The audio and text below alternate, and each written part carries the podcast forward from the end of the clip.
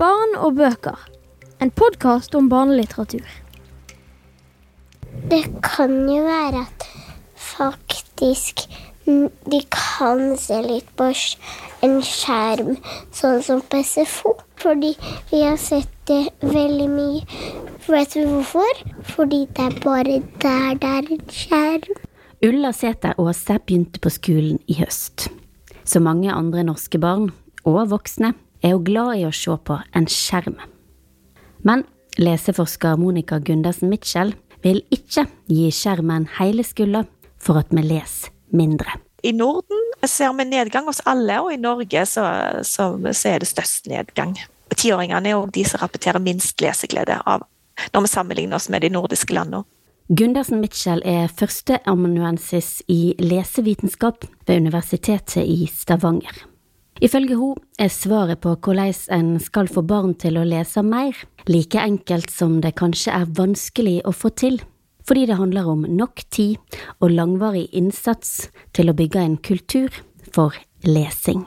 Jeg tenker egentlig at det starter lenge før eh, skolestart òg. Det starter i heimen, og det starter i barnehagen. Sant? Så det å både lese etablere gode rutiner for lesing og leseopplevelser hjemme. Og på en måte bli vant med det å lese og oppleve, oppleve tekster, er en god verdi å få med seg hjemmefra. Og så er det jo i barnehagen òg at en eh, bruker tid på å lese i barnehagen, sånn at ungene har en vane, og de vet hva det er når de skal starte på skolen. Og på skolen da er det jo òg viktig å bruke tid på å på en måte Det er jo veldig masse nytt for ungene. Så det å bruke tid på å bli litt kjent med dem, søke kunnskap om hva de har lest før, f.eks. i barnehagen.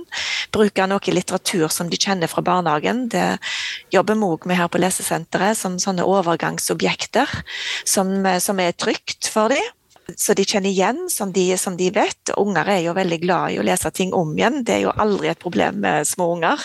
De elsker jo repetisjon. Og, og tar de da inn i denne verden på skolen. Men, men, når vi snakker om lesing på skolen, så er jo det to ting. Sant? Det er jo at de skal lære seg å lese sjøl, den tekniske lesingen. Men så er det jo det å få delta i lesing og få delta i leseopplevelser. Gode tekster. Og mm. begge deler skal en jo begynne med på skolen. Men altså, på hvilken måte kan en eh, forberede seg hjemme da, tenker du, på best mulig måte, når du sier at det starter lenge før? Altså, hva kan foreldre som kanskje hører på, gjøre? Vi har hatt en eh, nasjonal undersøkelse, representativt utvalg, som handler om unger som går i barnehage, og der er også foreldrene intervjua. Og da er det blant annet eh, det, det skjer mer lesing i heimen, viser den eh, studien, når òg en etablerer vaner og rutiner. Så det å etablere vaner og rutiner for lesing hjemme, det ofte er jo det på kvelden med leggetid, så er en fin tid å lese for, for ungene sine, er noe som styrker, styrker på en måte den fortsatte lesingen. Og Ungene liker jo å lese, så det å på en måte òg ha tilgjengelig litteratur, ta, besøke biblioteket og lese høyt for ungene i lag med dem, det er noe som eh, vi vet hjelper. Hun som var her i studio som var seks år og gledde seg veldig, hun gledde seg òg veldig til at de kanskje skulle ha en skjerm i klasserommet. Hva tenker du, det er jo nok mange foreldre som bekymrer seg litt for at skjermbruk er den største liksom, lesekonkurrenten. Hva tenker du om det, og hvordan kan det eventuelt brukes på en positiv måte i forhold til eh, lesing? Skjermene våre, våre digitale flater, mobiltelefonen og de store skjermene der vi ser på Netflix-serier osv. De stjeler jo boka kjemper om oppmerksomheten da, med, med, skjermene, både for voksne og for unger. Og Det er jo derfor vi har disse trendundersøkelsene som viser at eh, vi leser mindre. Det er nedgang sant, i interessen for lesing og den tida vi faktisk bruker på lesing, uh, både hjemme og på skolen. Og interessen for det, da. Ja, selvfølgelig, for skjerm skjerm er jo utrolig forlokkende òg. Jeg er ikke sånn Jeg liker aldri de der skyttergravene. Det er egentlig ja takk, begge deler. Og det har vært utrolig mye diskusjoner det siste halvåret om skjerm. Og det er òg meningsløs skjermbruk i skolen, men det er òg meningsfull skjermbruk i skolen. F.eks. skriveopplæringen er veldig verdifull å gjøre på skjerm, og ungene skriver like godt på skjerm, og det å lage fortellinger skjer like godt på skjerm med tastatur da, så papir. Og for noen er det motiverende å få til å skrive skikkelig med en gang, hvis du kan si det sånn. Mm. Eh, mens det å lese er lettere å få til på papir. Så det er noe med hva vi bruker den skjermen til òg. Mm. Eh, og det handler jo òg om tid. Og den der store hva skal jeg si, foreldreaksjonen som har vært i vår, er jo òg en Det er jo ikke en det er jo noen som sikkert sier nei takk helt, men det er også en, en eh, hvis en går inn i den diskusjonen, så ser en jo at det handler om en, en mer eh, begrensa bruk. Altså Jeg har òg egentlig tillit til læreren. Eh, og det er mange lærere, og som mor sjøl, så vet jeg òg at skjermen i skolen har fordeler når det gjelder motivasjon, men det har mye med skriving å gjøre, og det skriveredskapet. og Nå er det jo skjerm og tastatur i, i sammen. da. Det å skrive tekster og redigere tekster er jo så mye enklere å gjøre med en skjerm. Men det, vi snakker jo ofte om lesing, da, og vi har jo gjort mye eh, forskning her på Lesesenteret om eh, lesing av sånn digitale bildebøker i barnehagen. Yeah. Og det, ja, med, med, lyd sant? og med animasjoner osv. Det er jo en annen leseopplevelse. og Det det viser også er jo at Ungene blir jo veldig interessert i å trykke på skjermen, sant? for skjermen innbyr til trykking. Men med en, en klok, kunnskapsrik voksen på sida av, så kan på en måte delegere og styre litt den, den opplevelsen, da, så fungerer det. Mm. Men det er jo ikke den der frie tilgangen. Det er klok bruk. Men du får ikke noe sånn enten-eller og ja-nei-svar av meg. Det er helt greit. Hvorfor er det egentlig så viktig med den der lesingen? Hva sier forskningen om det? Lesing er jo For det første, eh, ungene starter på skole, de skal lære den tekniske lesingen. Lære seg å lese. Men vi vet òg at det er en stor sammenheng mellom det å lese mye, å lese sjøl og lese på fritida, og den tekniske lesingen. Det har vi en stor studie i Finland som har fulgt 2500 barn over ti år, og der det viser positiv sammenheng mellom lesing på fritida og lesing, den tekniske lesingen. Så vi vet bare det at å lese til mer du leser, til flinkere blir du å lese. Så det er jo én ting av det. Men så har vi jo den andre sida av lesingen òg. Når eh, barna hjemme ikke har lært seg å lese, men vi velger å lese for dem. Eller på skolen, når de begynner på skolen i første klasse og fremdeles ikke har lært seg å lese. Heller ikke godt nok i andre klasse til å lese 'Brødrene Løvehjerte' eller andre kjekke fortellinger. Så er det en verdi å lese i seg sjøl. Og det er jo den andre delen av lesingen. Det er, det er jo en kilde til både hygge og det er opplevelser, gode leseopplevelser, og det er underholdning. Men det er òg avslapning. Og det å lese utvikler òg vår eh, evne til Eller utvikle fantasi og vår forestillingsevne. Og med å lese, så tenk på kan, kan oppleve å få innsikt i. Vi, vi, kan lære mye av å lese. Vi som jobber med litteratur, vi snakker om det å møte fremmede verdener. Altså både, både i reise i tid og sted, i fantasiverdener, men òg tema og, som vi kanskje ikke forholder oss til så masse sjøl. Komme på innsida av eh, hjem i Groruddalen i tante Ulrikkes vei, altså hvis vi leser en sånn voksenbok. Altså vi får innsikt i andre, og innsikt i andre mennesker vet vi òg kan bidra til å utvikle vår evne til empati. Og så er det jo den der, tilbake liksom, til den der tekniske lesingen. Altså, vi, er, vi lever jo i et tekstbasert samfunn der lesing er en helt grunnleggende kompetanse. Og når vi kan lese, så handler det om tilgang til kunnskap, kritisk tenking og til muligheter og valg. Sant? Og for å bli aktører i samfunnet, så må vi faktisk kunne lese. Så det er jo den biten der, da. Men, men det er jo den andre delen av lesing òg, der faktisk lesing er gøy.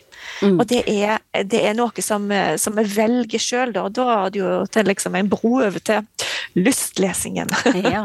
På hvilken mm. måte kan det være en slags nøkkel, eller hva, hvorfor er det så viktig? Det er jo litt det jeg sa tidligere, sant? så handler om at jo mer vi leser, jo flinkere blir vi å lese. Og dermed så vil vi jo ha unger til å lese. Det er jo en, sånn, en, det er en, en klok tanke. Det henger sammen der.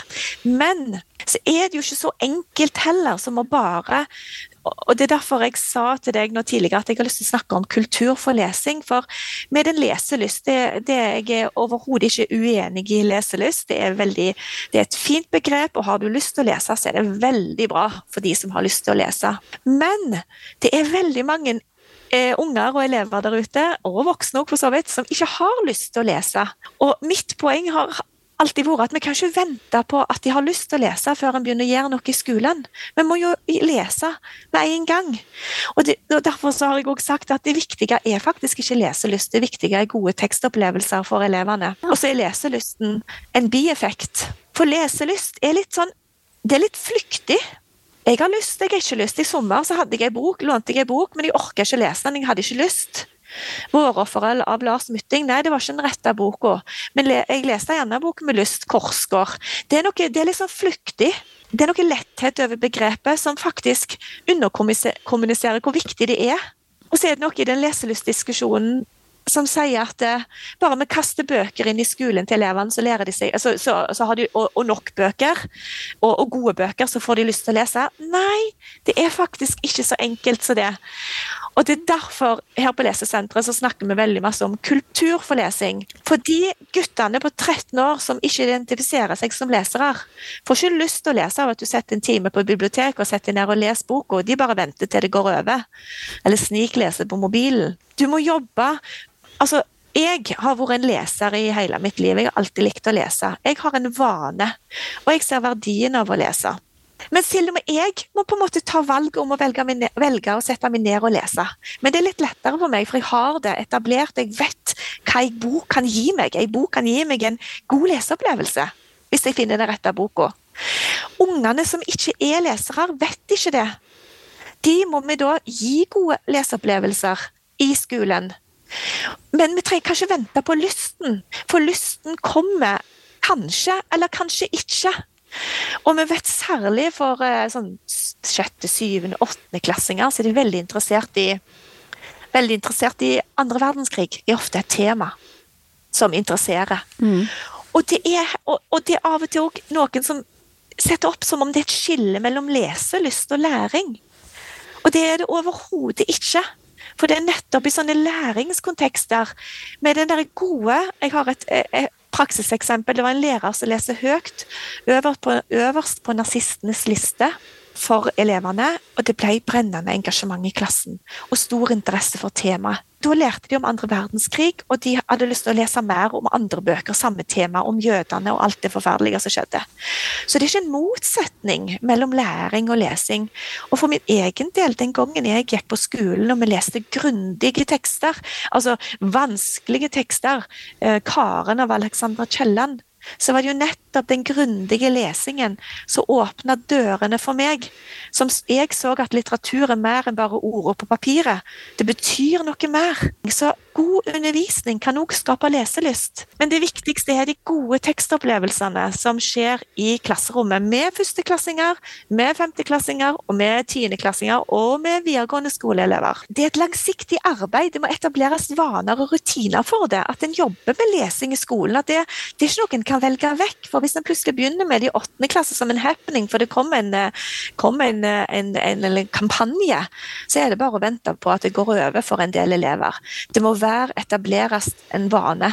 Men da er vi tilbake på skolebibliotek og bøker. For ja, når du har en, et langsiktig arbeid og etablerer vaner og rutiner, en jobber med godt med lesing på mange måter, så er det òg viktig å ha et godt skolebibliotek med rikt utvalg som du kan treffe de aller fleste, og en bibliotekar som har tid til å veilede elevene det å lese høyt hjemme trenger du ikke slutte med når ungen heller har lest, lærer å lese sjøl. For en åtte år gammel unge, det å gi dem gode tekstopplevelser, mer komplekse tekster som du, som du låner på biblioteket, som er kjekke. Lars Loll leste vi hjemme, det var en fantastisk opplevelse. Sant? Med eh, 'Brødrene Løvehjerte'. Nå er Lars Loll på kino. Sant? En ny anledning til å eh, lese boka og se filmen. Jeg må ikke slutte med å lese for ungene hjemme. Får du en lesehest, så ordner det seg sjøl. Da velger jo den ungen ungen å lese. Og tilbyr òg lydbøker og, og, for ungene. Så ja, men en, hva ungene leser sjøl er jo annerledes, for det handler jo om hvor gode de er å lese. De må jo lese tekster de makter å lese.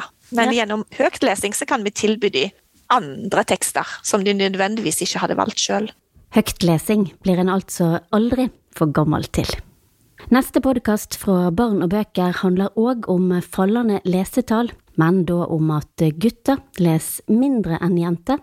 Derfor har vi invitert en gutt, ei jente og en barnebokforfatter til studio. Heng med oss da òg. Inntil videre ønsker vi lykke til med å finne balansen mellom skjerm og papir. Det er en stor data, og da kan alle se.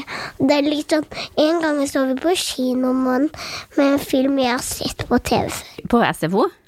Ja, og vi spiste masse popkorn.